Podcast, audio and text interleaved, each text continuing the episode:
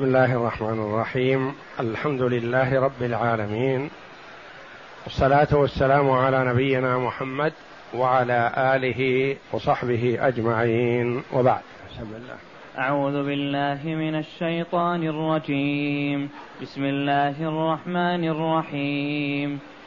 إن الله لا يظلم مثقال ذرة وإن تك حسنة يضاعفها ويؤت من لدنه أجرا عظيما. هذه الآية الكريمة من سورة النساء جاءت بعد قوله جل وعلا وماذا عليهم لو آمنوا بالله واليوم الآخر وأنفقوا مما رزقهم الله وكان الله بهم عليما. إن الله لا يظلم مثقال ذرة وإن تك حسنة يضاعفها ويؤت من لدنه أجرا عظيما. يقول الإمام ابن جرير رحمه الله في مناسبة هذه الآية لما قبلها وماذا عليهم لو آمنوا بالله واليوم الآخر وأنفقوا مما رزقهم الله فإن الله لا يبخس أحدا من خلقه أنفق في سبيله مما رزقه من ثواب نفقته في الدنيا ولا من أجرها يوم القيامة مثقال ذرة. وماذا عليهم لو آمنوا بالله واليوم الآخر وأنفقوا مما رزقهم الله؟ ثم أكد جل وعلا أنه لا يظلم أحدا شيئا. ولو أن الإنسان أنفق مثقال ذرة لوجده يوم القيامة.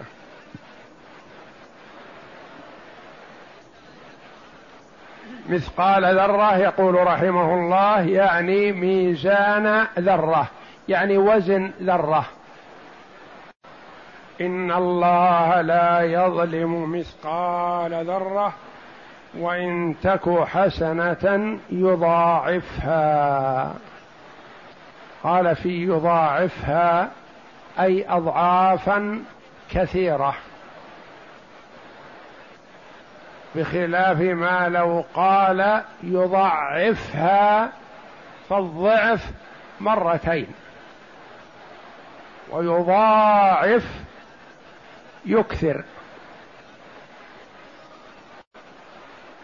عن ابن عباس رضي الله عنهما في قوله تعالى مثقال ذرة قال رأس نملة حمراء التي هي أصغر أنواع النمل. فعن أنس رضي الله عنه أن رسول الله صلى الله عليه وسلم قال إن الله لا يظلم المؤمن حسنة يثاب عليها الرزق في الدنيا ويجزى بها في الآخرة. وأما الكافر فيطعم بها في الدنيا فإذا كان يوم القيامة لم تكن له حسنة. فالمؤمن يجازى بحسناته في الدنيا مع ما يدخر الله جل وعلا له في الدار الآخرة. وأما الكافر الذي لا يؤمن باليوم الآخر فالله جل وعلا يجازيه على حسناته قد يصدر منه حسنة. إطعام مسكين شربة ماء إحسان إلى فقير عمل استفيد منه عمل معروفا شفع شفاعة حسنة. وهكذا فالله جل وعلا يثيبه على ذلك الثواب في الدنيا. وأما الآخرة فلا لأنه لا يؤمن بالله واليوم الآخر. والعمل في الدنيا لا يخلو. إن كان قاصرا على صاحبه من كافر مثلا فإنه لا ينفعه ولا يستفيد منه شيئا. وإن كان متعديا فالله يثيبه عليه.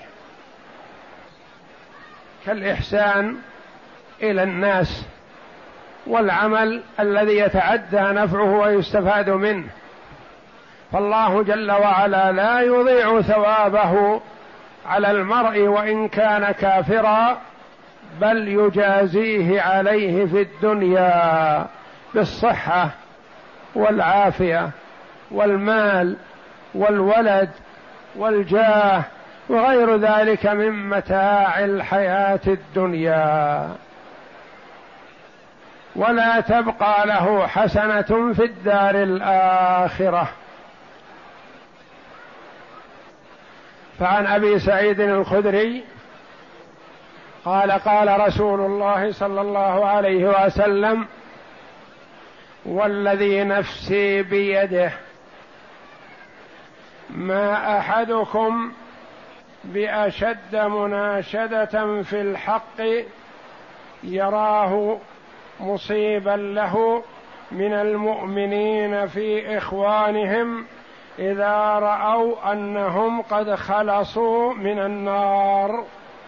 يقولون أي ربنا إخواننا كانوا يصلون معنا ويصومون معنا ويحجون معنا ويجاهدون معنا قد أخذتهم النار فيقول الله لهم اذهبوا فمن عرفتم صورته فأخرجوه ويحرم صورهم على النار فيجدون الرجل قد أخذته النار إلى قدميه وإلى أنصاف ساقيه وإلى ركبتيه وإلى حقويه فيخرجون منها بشرا كثيرا.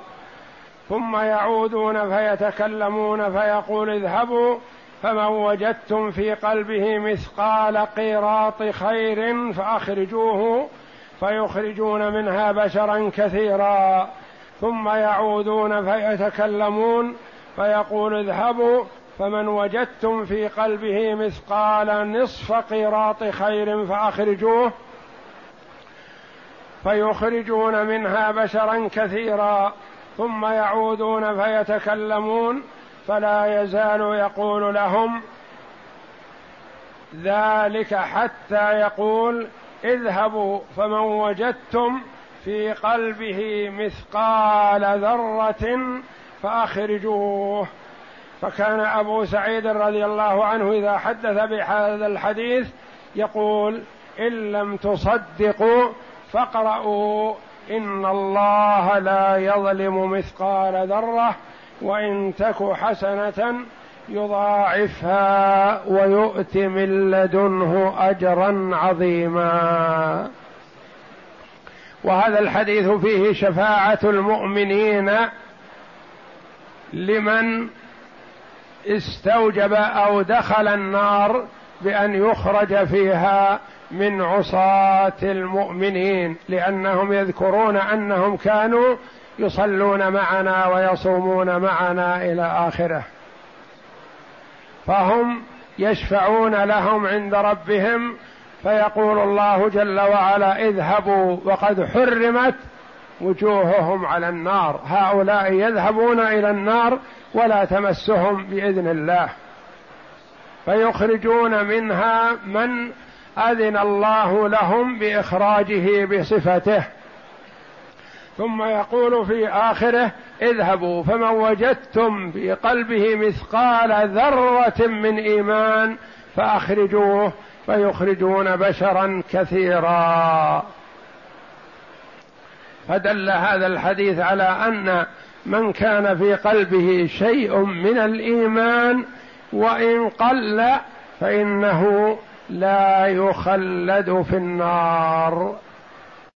وهذا الحديث دل على أن قوله جل وعلا إن الله لا يظلم مثقال ذرة أن من كان في قلبه مثقال ذرة من إيمان فالله جل وعلا لا يخلده في النار ولا يظلمه بل يأمر بإخراجه من النار. وقال بعض المفسرين في معنى هذه الآية إن الله لا يظلم مثقال ذرة يعني لا يظلم احدا لأحد مثقال ذرة. فمن كان له عند أحد من خلق الله مثقال ذرة فإن الله جل وعلا يأخذ له حقه ويقتصه. إن الله لا يظلم مثقال ذرة. ويدل على هذا ما جاء عن ابن مسعود رضي الله عنه قال إذا كان يوم القيامة جمع الله الأولين والآخرين ثم نادى مناد من عند الله على من كان يطلب مظلمة فليجئ إلى حقه فليأخذه. قال فيفرح والله المرء أن يدور له حق على والده أو ولده أو زوجته أو أخته فيأخذه منه وإن كان صغيرا. قال ومصداق ذلك في كتاب الله فإذا نفخ في الصور فلا أنساب بينهم يومئذ ولا يتساءلون.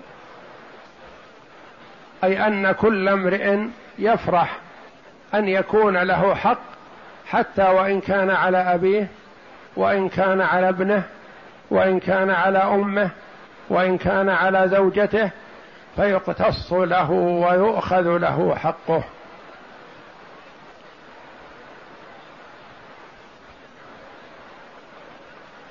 قال في تكميل الحديث فيقال له آت هؤلاء حقوقهم. يقال للرجل المنادى عليه أعطي هؤلاء الذين أتوا حقوقهم. فيقول يا ربي ومن أين وقد ذهبت الدنيا؟ فيقول الله لملائكته أي ملائكتي انظروا في أعماله الصالحة فأعطوهم منها فإن بقي مثقال ذرة من حسنة قالت الملائكة أي ربنا وهو أعلم بذلك منها. أعطينا كل ذي حق حقه وبقي له مثقال ذرة من حسنة فيقول للملائكة ضعفوها لعبدي وأدخلوه بفضل رحمتي الجنة. ومصداق ذلك في كتاب الله إن الله لا يظلم مثقال ذرة وإن تك حسنة يضاعفها ويؤت من لدنه أجرا عظيما. الجنه يعطيها وإن فنيت حسناته وبقيت سيئاته. قالت الملائكة وهو أعلم بذلك. إلهنا فنيت حسناته وبقيت سيئاته وبقي طالبون كثير. فيقول الله ضعوا عليها من أوزارهم واكتبوا له كتابا إلى النار أو قال صدقة أو صكا إلى جهنم. شك صدقة أيهما قال. ومعنى هذا الحديث بطوله أن الله جل وعلا ينادي على رؤوس الخلائق بفلان ألا من كانت له مظلمة على فلان فليأت ليأخذ حقه. فيفرح كل إنسان له حق على آخر حتى وإن كان على أبيه أو ابنه أو أمه أو زوجته أو بنته أو المرأة على زوجها أو أبيها فيأتون. يقول الراوي ومصداق ذلك في كتاب الله فإذا نفخ في الصور فلا أنساب بينهم يومئذ ولا يتساءلون.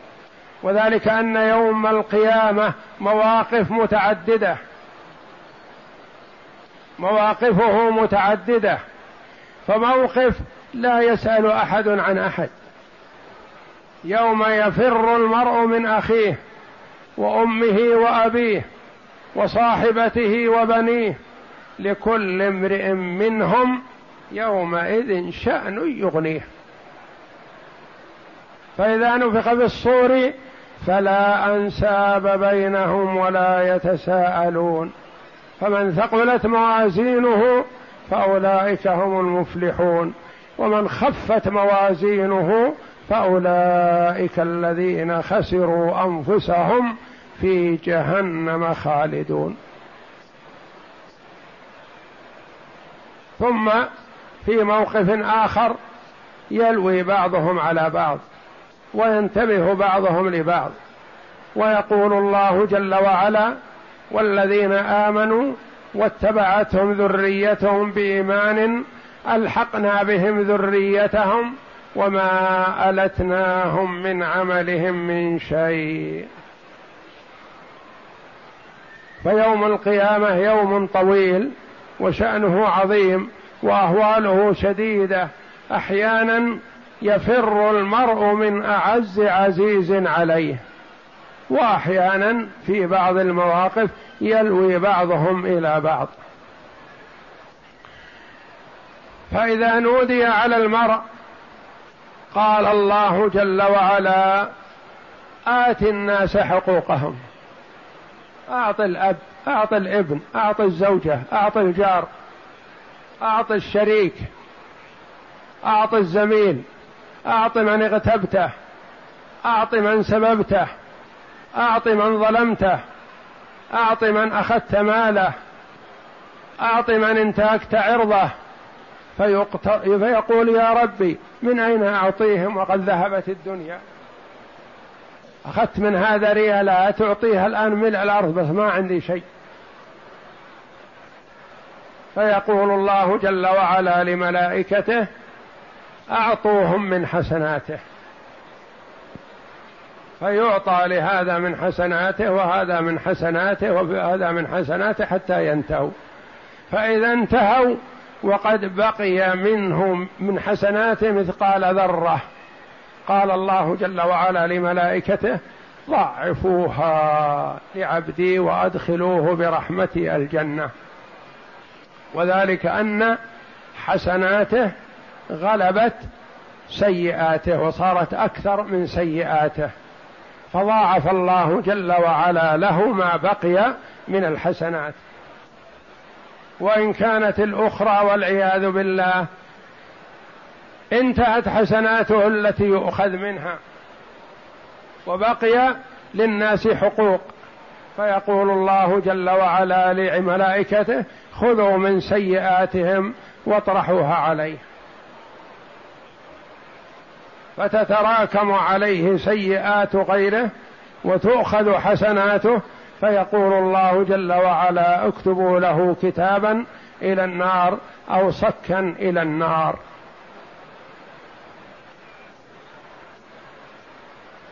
فليحذر المسلم الحقوق حقوق العباد في الدنيا.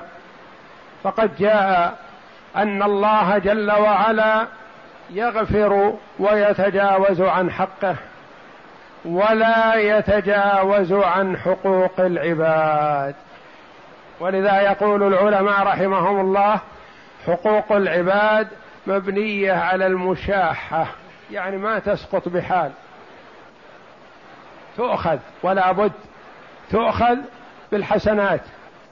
فإذا نفدت الحسنات فيطرح عليه من السيئات ولا يضيع منها شيء. إن الله لا يظلم مثقال ذرة. وهذا الحديث عن عبد الله بن مسعود رضي الله عنه قال يؤخذ بيد العبد والأمة يوم القيامة فينادي مناد على رؤوس الأولين والآخرين. هذا فلان ابن فلان فمن كان له حق فليأتي إلى حقه. فتفرح المرأة أن يذوب لها حق على أبيها أو على أخيها أو على زوجها. ثم قرأ ابن مسعود فلا أنساب بينهم يومئذ ولا يتساءلون. فيغفر الله من حقه ما شاء ولا يعفو من حقوق الناس شيئا. فينصب للناس فيقول ائتوا إلى الناس حقوقهم. فيقول ربي فنيت الدنيا من أين أوتيهم حقوقهم؟ فيقول خذوا من أعماله الصالحة فأعطوا كل ذي حق حقه بقدر طلبته فإن كان وليا لله ففضل له مثقال ذرة ضاعفها الله له حتى يدخله به الجنة. ثم قرأ علينا إن الله لا يظلم مثقال ذرة. قال أدخلوه الجنة.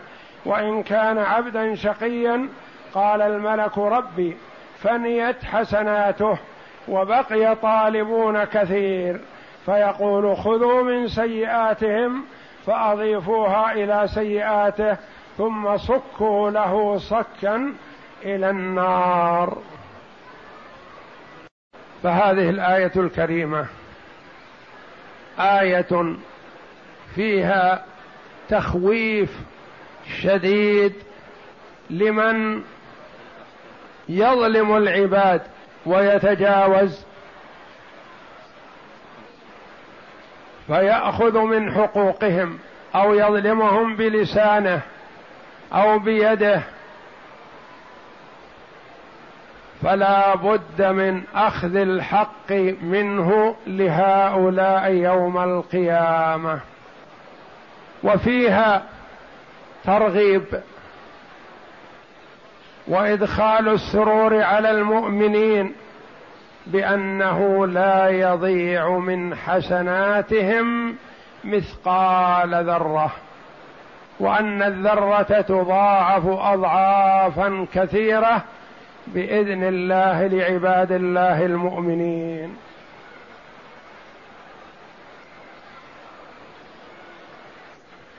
وفي قوله جل وعلا وإن تك حسنة يضاعفها فيها قراءتان وإن تك حسنة على أن كان الناقصة.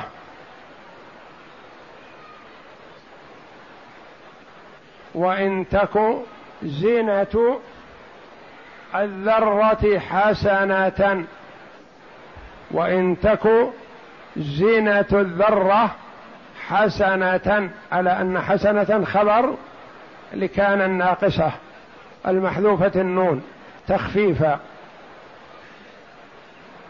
وقراءة أخرى سبعية وإن تك حسنة يضاعفها على أن تك ليست كان الناقصة وإنما هي كانت تامة بمعنى توجد.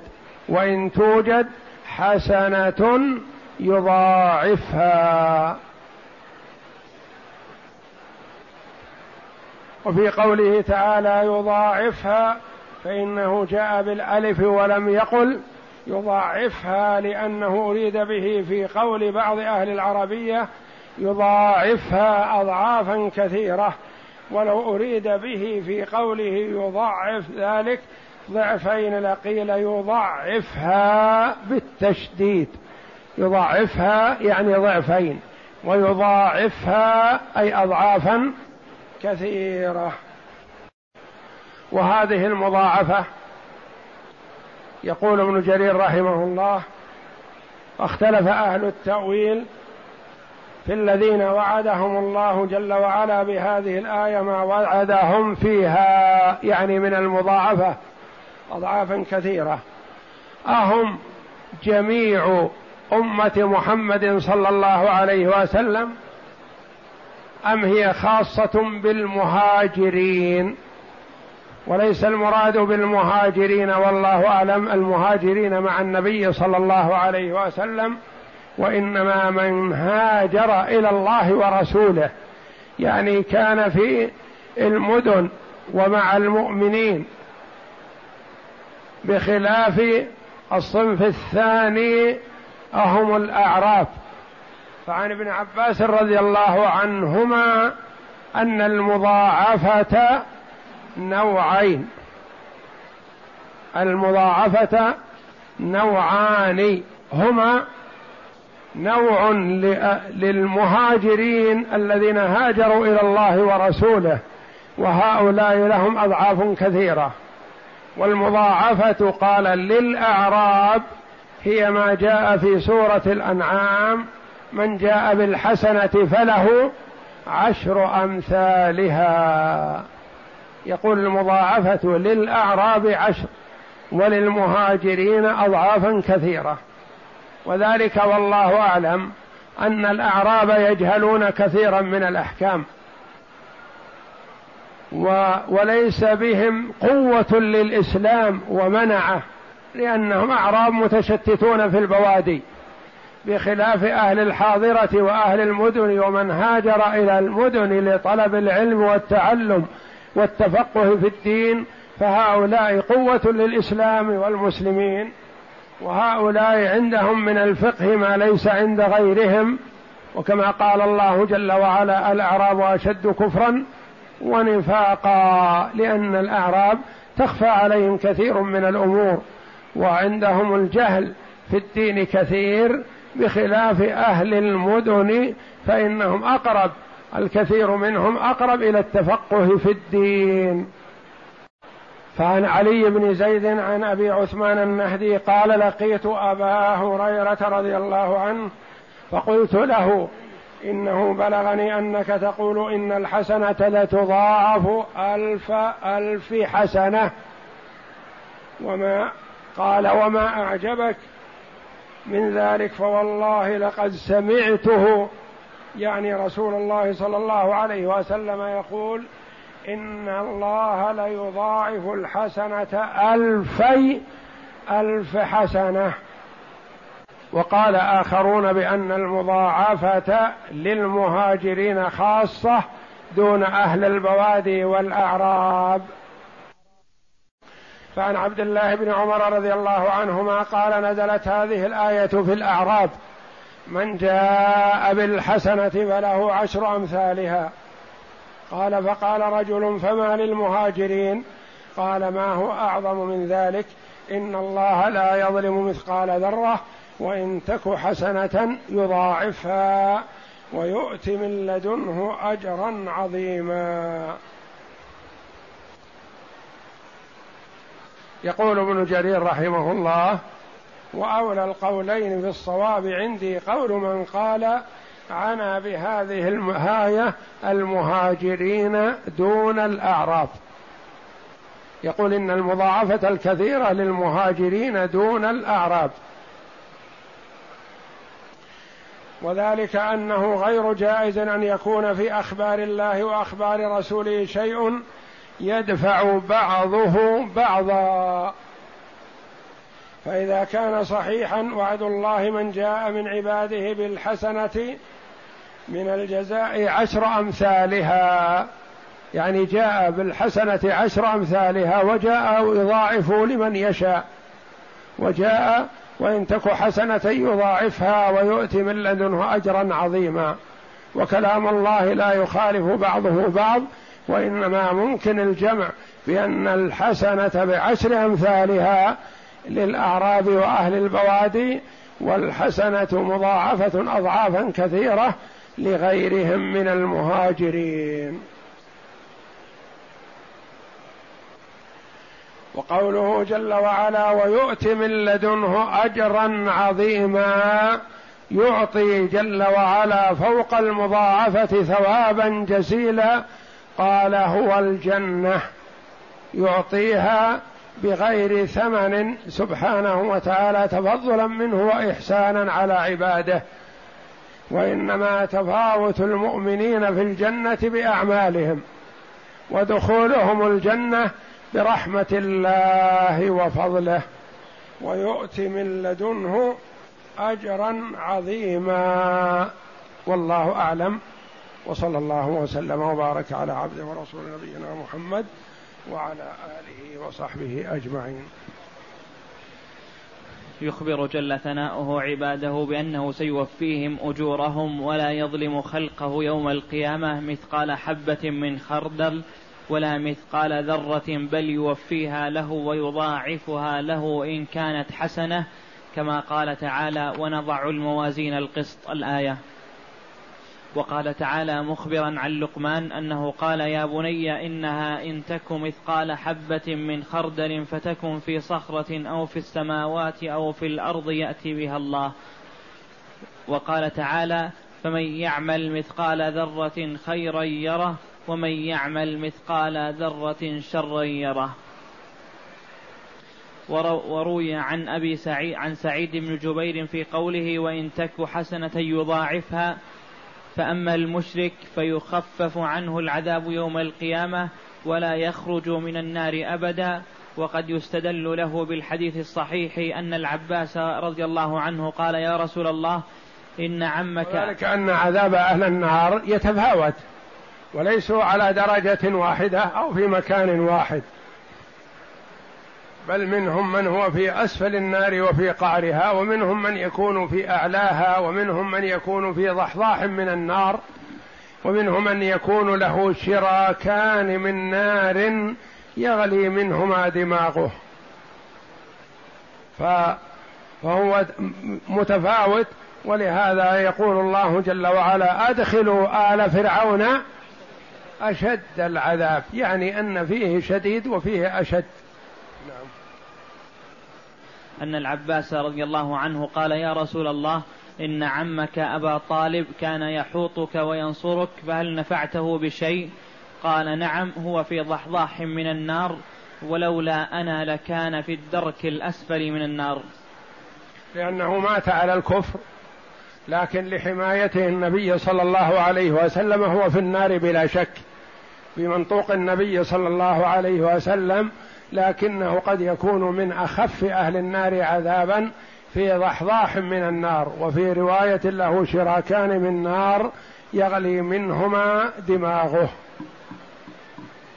وقد يكون هذا خاصا بأبي طالب من دون الكفار بدليل ما رواه أنس بن مالك رضي الله عنه أن رسول الله صلى الله عليه وسلم قال إن الله لا يظلم المؤمن حسنة يثاب عليها يثاب عليها الرزق في الدنيا ويجزى بها في الآخرة وأما الكافر فيطعم بها في الدنيا فإذا كان يوم القيامة لم يكن له حسنة.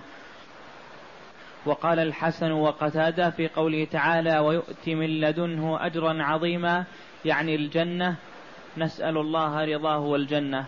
وروي وروى ابن أبي حاتم عن أبي عثمان قال قلت يا أبا هريرة سمعت إخواني بالبصرة يزعمون أنك تقول سمعت رسول الله صلى الله عليه وسلم يقول إن الله يجزي بالحسنة ألف ألف حسنة فقال أبا أبو هريرة والله بل سمعت نبي الله صلى الله عليه وسلم يقول إن الله يجزي بالحسنة ألفي ألف حسنة ثم تلا هذه الآية وما, وما متاع الحياة الدنيا في الآخرة إلا قليل.